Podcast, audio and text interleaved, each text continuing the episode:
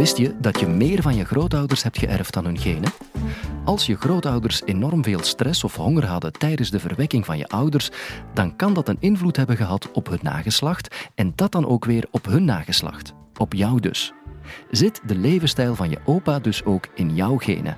Hoe dat precies werkt, laat ik me graag vertellen door epigeneticus Lode Goderis. Dit is de Universiteit van Vlaanderen.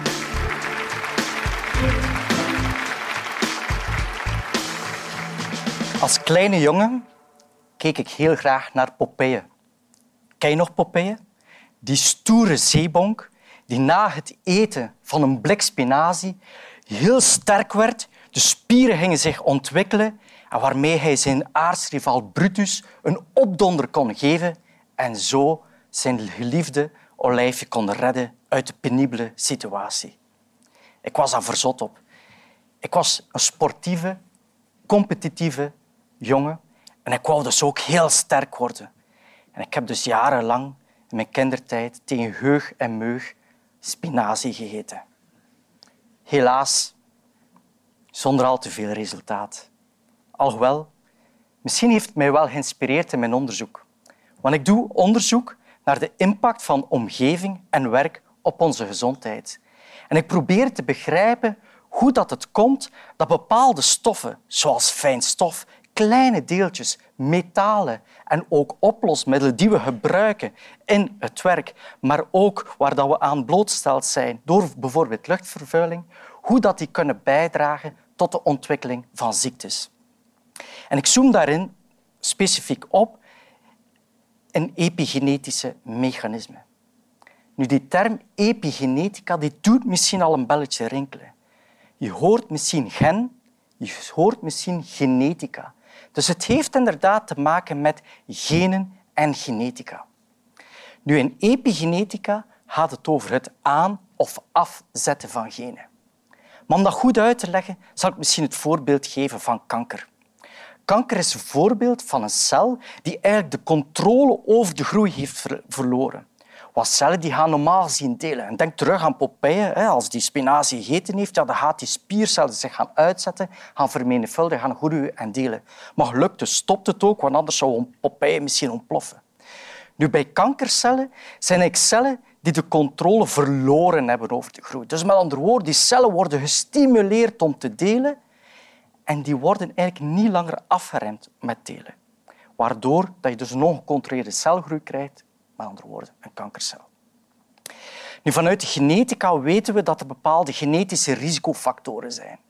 En misschien herinner je een paar jaar geleden het verhaal van Angelina Jolie, de Amerikaanse actrice die een heel drastische operatie heeft ondergaan. Onder andere haar borsten heeft eh, laten verwijderen en ook haar baarmoeder en eileider. Waarom heeft ze dat gedaan? Wel, ze was drager van twee genetische risicofactoren. Het BRCA1 en BRCA2-gen. Nu, wat doet dat gen? Dat gen codeert eigenlijk voor een eiwit dat een heel belangrijke rol speelt in het afremmen van de groei van cellen. En bij Angelina Jolie zit daar een fout in de code.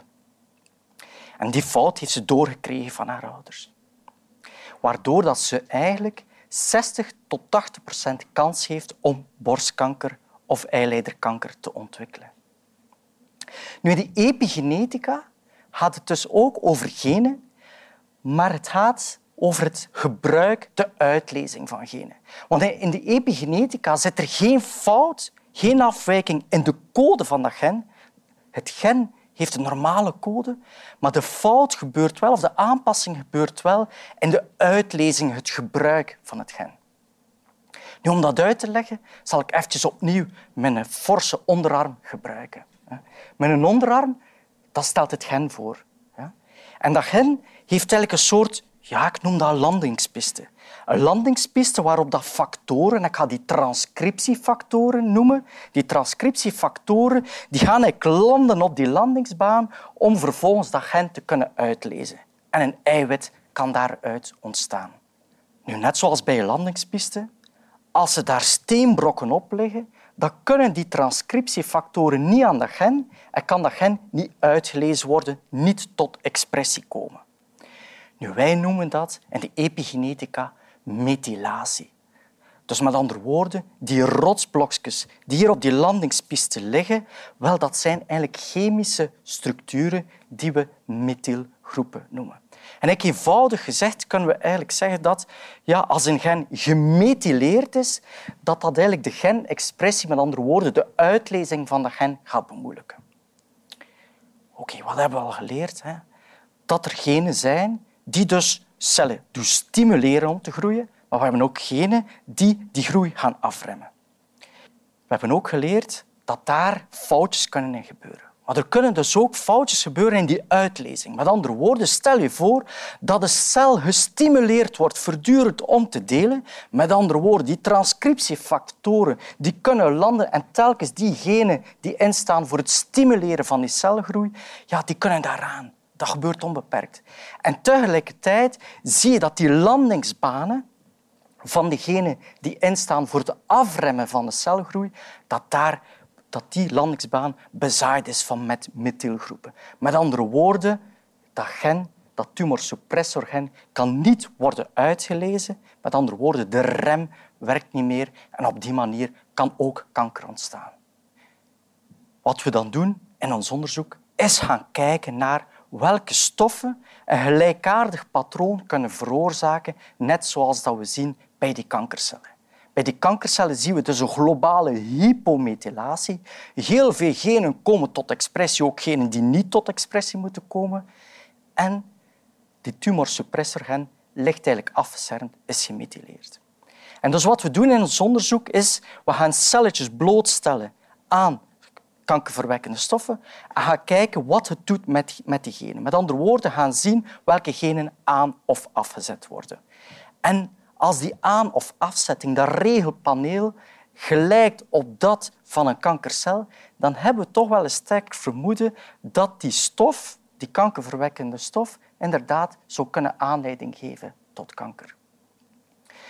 Dus eigenlijk om het in Popeye-taal te zeggen, ja, we zouden eigenlijk via de epigenetica kunnen verklaren waarom dat Popeye plots heel sterke spiergroei heeft dankzij het eten van spinazie. Spinazie zou, ja, bij Popeye en tekenfilms uiteraard, net die celgroei kunnen gaan stimuleren en eigenlijk die tumorsuppressiegroei wat kunnen gaan afremmen. Nu, dat brengt mij eigenlijk tot de tweede vraag. We hebben daar straks, toen we het hadden over Angelina Jolie, ook gehad over het overdragen van die genetische risicofactoren. En de vraag is nu of dat we die epigenetische veranderingen, het aan- en afzetten van die genen, of dat dat ook kan overgedragen worden van één generatie naar de andere. Met andere woorden, of de levensstijl van onze grootvader ook een impact kan hebben op de gezondheid en het risico van ziekte op de zonen, maar ook op de kleinzonen en kleindochters. En hebben we daar evidentie voor? Ja, toch wel. En ik neem u mee naar de oorlog, de oorlogsjaren 1944, 1945. En het was winter, een zeer harde, koude winter. En in Nederland werd al het voedsel aangevoerd vanuit de rivieren. En die lagen bevroren. En de Nederlanders op dat moment hadden dus tekort aan eten.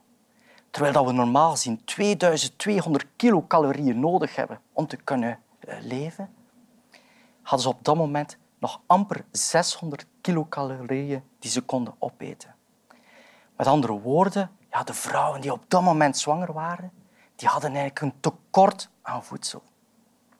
Nu had uiteraard ook wel een impact op hun zwangerschap en de baby die zich aan het ontwikkelen was in de buik van de moeder. Nu, eigenlijk die groep is eigenlijk opgevolgd geweest over de jaren heen. En wat heeft men eigenlijk gezien? Dat die groep een veel groter risico geeft op het ontwikkelen van hart- en bloedvaataandoeningen. En men wist eigenlijk niet goed waarom. Maar men ging terug gaan kijken en zag, tja, die zijn ontwikkeld geweest. Ze zaten eigenlijk in de baarmoeder op het moment van de hongersnood. En dan heeft men eigenlijk gaan kijken bij die mensen welke genen er aan en afstaan. En men heeft eigenlijk gezien dat genen die tussenkomen in die groei en dat metabolisme, dat die eigenlijk anders geschakeld staan in vergelijking met andere gezonde mensen. Dus het lijkt er eigenlijk op of dat we precies die kinderen van in de baarmoeder eigenlijk epigenetisch voorgeprogrammeerd waren om te gaan overleven in moeilijke tijden en hongersnood. Maar wat is er eigenlijk gebeurd? Wel, die mensen hebben de gouden jaren 60 meegemaakt. Die hebben eigenlijk geleefd in overvloed. Die hebben eigenlijk veel te veel kunnen eten volgens hun voorprogramma's. En dat heeft eigenlijk gemaakt dat zij nu eigenlijk een hoger risico hebben op hart- en bloedvataandoening. En ja, we hebben meer en meer evidentie dat dus die eerste duizend dagen waarin van onze levensjaren een heel belangrijke impact hebben op onze gezondheid en het risico op uh, ziekte.